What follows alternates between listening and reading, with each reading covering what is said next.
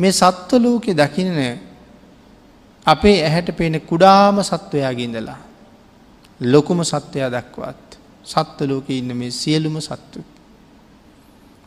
මේ ඔක්කොටම කලක මනුස්ස ජීවිතයක් තිබුණ කියලා. එක සරුවඥතා ඥානයෙන් මයි දැකල දේශනා කරන මේ සේරටම මනුස්ස ජීවිතයක් තිබුණ. නොත් අද මදුරුවෙක් වෙලා අද කූම්බියෙක් වෙලා අද මැක්කෙක් වෙලා ඉපදිලා. ඇයි ඒගොල්ලො එහෙම වුණේ කාලයක් ඒගොල්ලොත් හරි ලස්සනට ජීවත්තිච්චාය. හොඳට ඉගෙන කියාගෙන උපාධි පාස් කරගෙන රැකියා අරගෙන යානවාහන අරගෙන ගෙවල් දොරවල් හදාගෙන ආවාහ විවාහ වෙලා දරුමල්ලු හදාගෙන හරි සතුටින් ජීවත් වුණා. ඒ කාලෙ ඒ හැම දෙයක්ම පිළිවලට කරගන්න හොඳට මතකත් තිබුණා. අමතක වෙච්ච එක දේකුත්ති බෝය අතර ඒ තමයි සිල්ලාරක්ෂා කරන එක. එතකොට අපි අපේ ජීවිතයෙන් එහෙනම් අහල බලන්ඩෝ නෑ අපිටත් ඒ අමතක වෙලාද කියලා. මදුරුවකුට ගහන්ඩ යනකොට හිතෙන් ඕනෑ මේ මදුරුවාටත් අපිට වගේ මනුස්ස ජීවිතයක් තිබුණා සිල් නොතිබ්බ නිසා අදයා මදුරුවෙක් වෙලා. අද මොහුට පහර දෙන මටත් වෙන්නේ දවසක එහෙම කෙනෙක් වෙන්ට. මෝටීන් එකක් අරගෙන පාවිච්චි කරන්න හදනකොට මේකෙන් මැරෙන සියලුම සත්තුන්ටත් මට වගේ මනුස්ස ජීවිතයක් තිබුණා එනම් අද මේ වසයුදල වූ මරණවා කියල කියන්නේ මටත් දවසක වහ කැවිලම මැරෙන්ඩ මැරෙන්ඩ වෙනවා කියන මේ කර්මය විශ්වාසය අපි ගව තියෙන්ට ඕනේ. දන්දීල විතරක්ම මේ සංසාරි සුවපත් කරගන්න බලාපොරොත්තු වෙන්න බෑක් එහෙනම් සීලය අත්‍යවශ්‍ය කාරණාවක් බවට පත්වෙනවා. ආං ඒ නිසා බුදුරජාණන් වහන්සේ මේ කාරණාව චුල්ලකම්ම විභංග සූත්‍රයත් අපුරුවට පැහැදිලි කොට වදාලා. පිනතුන අපි මේ මේ අඩුපාඩු මනාව පන්සිල් ආරක්ෂා කරගෙන. ඊට පස්ස යන්ඩ අපිට ආය සීල මට්ටමක් තියෙනවා අට සිල් කියලා. ඉට පස නවාංගු පෝසත සීලේ. ඉළඟට ගෘහස්ත දස සීලයේ. මෙතෙන්ට එනකං ඔබට යන්ඩ පුළුවන්. මේ ලෝකි තියෙන උතුම්ම සීලයක් තියෙනවා දෙවියොත් වඳින බ්‍රහ්මයොත් වඳින රහතන් වහන්සේලත් වන්දනා කරන සීලයක් තවත් ලෝක ඉතුරු වෙලා තියෙනවා. මතකද රහතන් වහන්සේලාගෙන් පවා වැදුම් ලබන උතුම් සීලයේ. ඒකට කැන උප සම්පදා සීලය කියලා. සාමනේර ස්වාමීන් වහන්සේලත් රහත් වෙලා හිටිය. ගිහි අයත් රහත් වනා. ගිහි කෙනෙක් රහත් වනහම රහත්වෙච්ච දවසේම පැවිදි වෙන්ඩුවනේ. එහෙම නැත්තං පිරිනිවම් පාණ්ඩුවනේ. ඉතින් ගිහිව රහත් වෙලා සමහරය පැවිදි වුණා.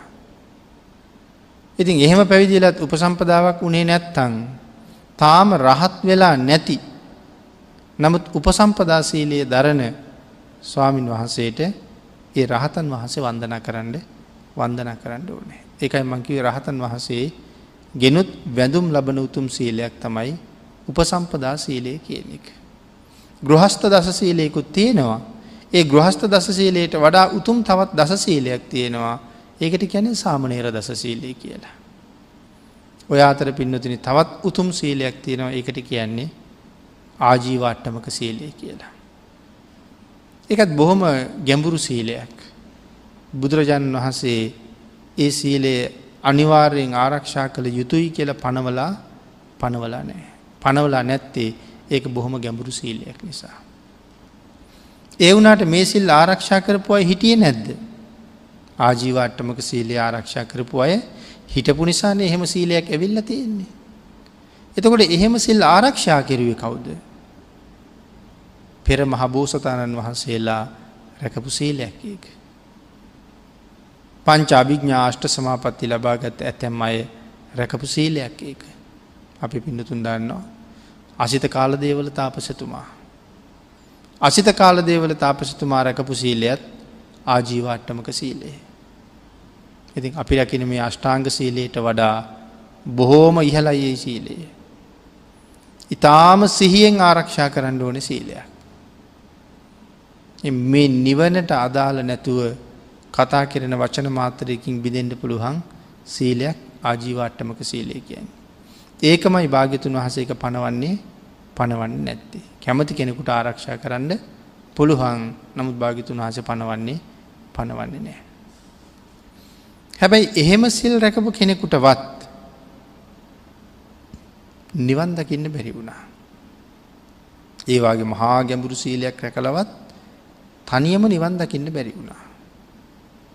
අසිත කාලදේවල තාපසතුමත් එවන් සීලයක් රැක්ක කියලා අපි සඳහන් කළා. පංච අභිග්ඥාෂ්ට සමාපත්ති දෙකම තිබුණා. දවල්ට මනුස්ස ලෝකෙන් කෑම කාලා ටිකක් විවේක ගණ්ඩ ගිය තවතිසාාවට. එහෙම කෙනෙ. ඒ වුණට බැරි වුණා මේ සසරින් මිදෙන මගට එන්ට. ඇයි බැරි වුණේ එතරම් උතුම් සීලයක ඉඳලා මුල තිබුණේ නෑ. මොකක්ද මුල එ මුල තමයි තිසරණ. බුදුරජාණන් වහස සිංහනාද කළේ එකයි මේ ශාසනයේ පළවෙනි ශ්‍රමණයත් මිනතම් මේ ලෝකයේ පළවෙනි ශ්‍රමණයත් මේ ශාසනයමයි මේ ලෝකයේ අන්තිම ශ්‍රමණයත් මේ ශාසනයමයි මේ බුද්ධ ශාසනයෙන් පිට කිසිම ශ්‍රමණයක් පහළ වෙන්නේ නෑ කියලා. තුනුරුවන්ට ගරු කරන්න නැතුව මේ සංසාරයෙන් ගොඩ යන්න කිසිම කෙනෙකුට බෑ කියන කාරණාවයි කිවි. නම් තෙරුවන් සරණ ගියපු කෙනෙකුටයි සසරින් එතර වෙන්න පුළුවන්කම තියෙන්නේ. අබුද්බෝත්වාද කාලවල ආර්යන් වහන්සේල බිහි උන්නෑ පසේ බුදුරජාණන් වහන්සේ හැර. මහාකල් පාසංකයකුත් ලක්ෂයක් පාරමිතා සම්පූර්ණ කරලා. මහා කල්පයක් පුරාවට වහින වැස්සක වැහි බින්දු ගාන කොච්චරද කියලා කියන්න පුළුවන් තරන් මහා ප්‍රඥාවකින් පෝසත් වෙලා හිටපු සාරිපුත්තයන් වහන්සේටවත් තනියම සෝවාන් වෙන්ඩ බැරුවගයා. මේ ශාසනයට එන්ඩම එන්ඩම ශාසනය පිළිබඳව දැනගණ්ඩම බණ අහන්ඩම පනහන්ඩමෝ නැවුණා. ඒ දම්මා හේතු පබවාතේ සංහේතුන් තතාගතුවාහ කියන බණපද ටික ඇහෙන්ඩ මෝන වුණා සත්පුරුෂයෙක්ගේ. එහනම් අරතරං සිල් ආරක්ෂා කරලා ඒ තරම් ප්‍රඥාවක් තිබිලවත් වැරි වුණානේ සාරිපුත්තයන් වහන්සේගේ සීලේ පිළිබඳව පැහැදිලි කරන තැනක සඳහන් කරනවා මෙ උන්වහස බ්‍රහ්මචරියාව කොහොමරැක් අද කියලා. ආංගේ කාරණාවදි සඳහන් කරනවා ආත්ම පන්සීය. ආත්ම පන්සීයක් එක දිගටම රිෂි ප්‍රෞෘජාවෙන් පැවිදි වෙලා ඉඳල තියෙන්නේ. ආත්ම පන්සීයක්ම මේ අන්තිමාත්මට කලින් ආත්ම පන්සීයක් එක දිගටම රිෂි ප්‍රෞද්ජාවෙන් පැවිදි වෙලා. ඒ තරම් උතුම් සිල් ආරක්ෂා කරලත් තෙරුවන් සරණයන් නැතුව බැරුව ගියා සසරින් විදෙන්ට. ආං ඒවාගේ උතුම් සිල් ආරක්ෂා කරගෙන මේ සංසාරයෙන් එතර යන්න උත්සාහ කරනවන කෙනෙක්. තමන්ගේ වැරද්ද හොයාගණ්ඩ අපිට පිහිට වනානං ලෝකයේ පහළ වෙච්ච ශ්‍රේෂ්ඨතම සත්පුරුෂයට කියන්නේ සම්මා සම්බුද්ධ කියලා. උන්වහන්සේ අවබෝධ කරගෙන දේශනා කරපු ධර්මරත්නයත්. උන්වහන්සේ විතින් ඇති කරපු අෂ්ටාරි පුද්ගල මහා සංගරත්නයත් අපිට මේ තරම් වටින්නේ ආංගේ නිසා මේ තෙරුවන සසරින් මිදෙන්ට අවශ්‍යයි කියලකිව ඒ නිසයි.